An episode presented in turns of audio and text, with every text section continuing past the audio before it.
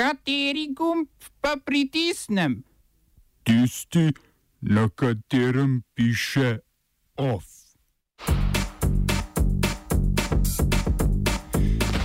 Afriška unija zahteva odstop sudanske vojaške oblasti v 15 dneh.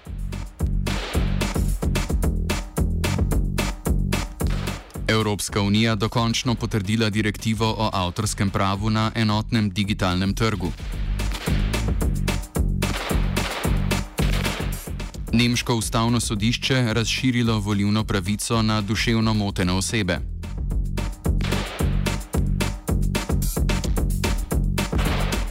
V kulturnih novicah pa predstava Večna medikacija v Gromki.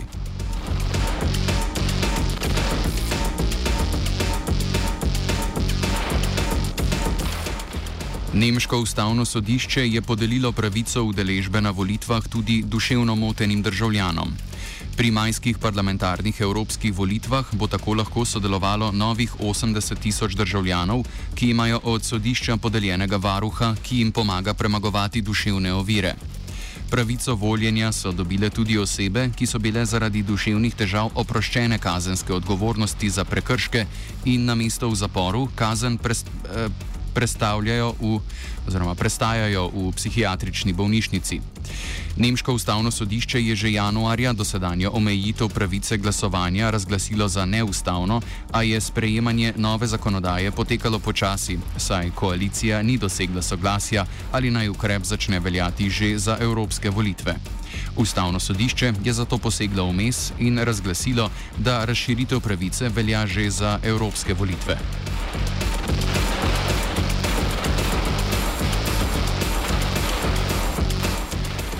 Malezija in Kitajska sta po devetih mesecih pogajanj izpogajali del kitajskega projekta Pas in cesta, ki bo v Maleziji gradil železniške povezave. Malezijska vlada na čelu z novim premijejem Mahathir Mohamedom je izpogajala zmanjšanje sredstev pri železniški povezavi vzhodna obala za tretjino in povečano vključitev lokalnih oblasti in prebivalstva v izgradnjo te 640 km dolge železniške povezave.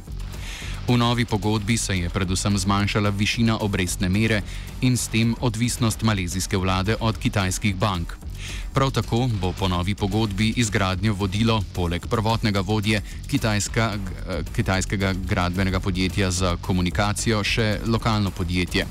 Revizija projekta je v skladu z volivno obljubo Mahathirja, ki je v luči domnevnega koruptivnega obnašanja prejšnjega premijeja Nadžiba Razaka obljubil pregled vseh večjih projektov, ki jih je odobrila prejšnja vlada.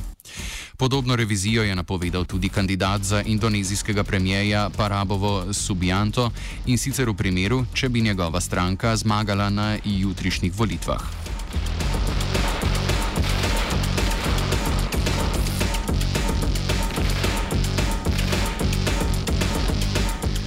Afriška unija je sudanskemu predhodnemu vojaškemu svetu, ki trenutno po odstavitvi predsednika Omar al-Bashirja vlada Sudanu, zagrozil z izključitvijo države iz organizacije v primeru, če v 15 dneh ne izpeljajo prenosa oblasti.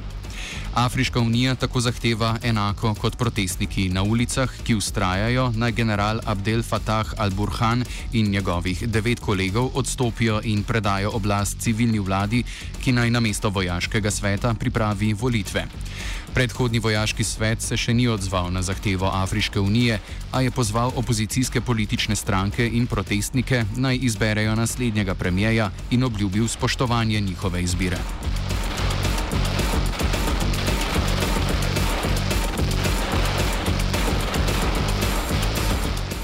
Evropska komisija je z odobritvijo pomoči v vrednosti 215 milijonov evrov omogočila nadaljevanje gradnje nove baltske plinske cevi med Dansko in Poljsko.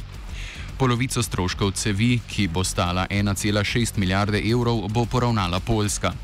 Tamkajšnji premijer Mateusz Morawiecki je povdaril pomen plinske cevi za povečanje poljske energetske varnosti in primerjal tako imenovan Baltski plinski vodovod, ki bo dovažal danski in norveški plin, z vodovodom Severni tok 2, ki bo Nemčiji dovažal ruskega. Da bi omogočil gradnjo plinskega sistema, sta Danska in Poljska rešili svoj mejni spor na morju, kjer bo potekala gradnja.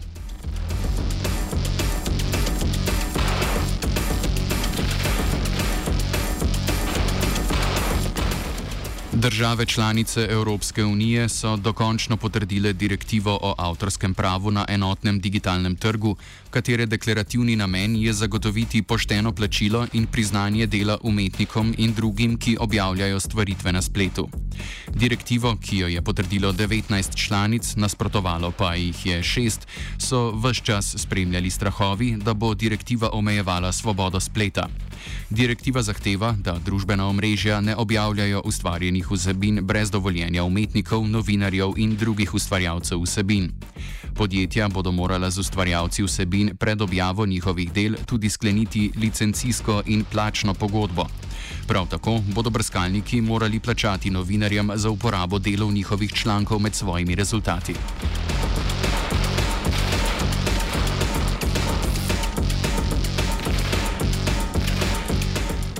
Podjetja z letnim dobičkom manjšim od 10 milijonov evrov so oproščena obveznega plačevanja ustvarjalcev.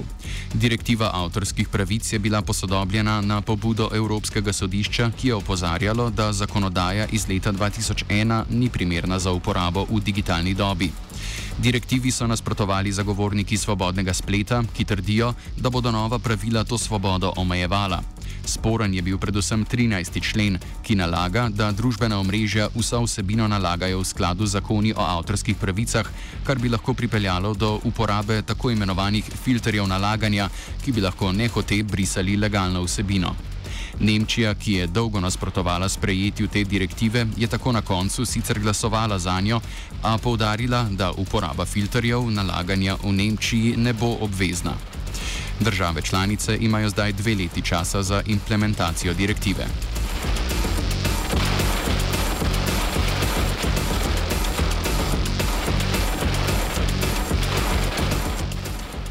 Višji uradnik sirskih demokratičnih sil je izjavil, da jih predstavniki ameriške vojski, vojske prepričujejo naj omej, omejenemu številu turških enot omogočijo dostop na sirsko stran turško-sirske meje.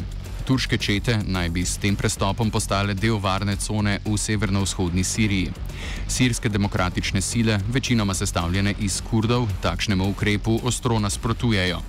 Ameriški načrt za vzpostavitev varne cone med Turčijo in Sirijo naj bi tudi izključeval vojaške enote sestavljene iz kurdov. Kurde naj bi pri varovanju območja nadomestili za zdaj nedefinirani domačini.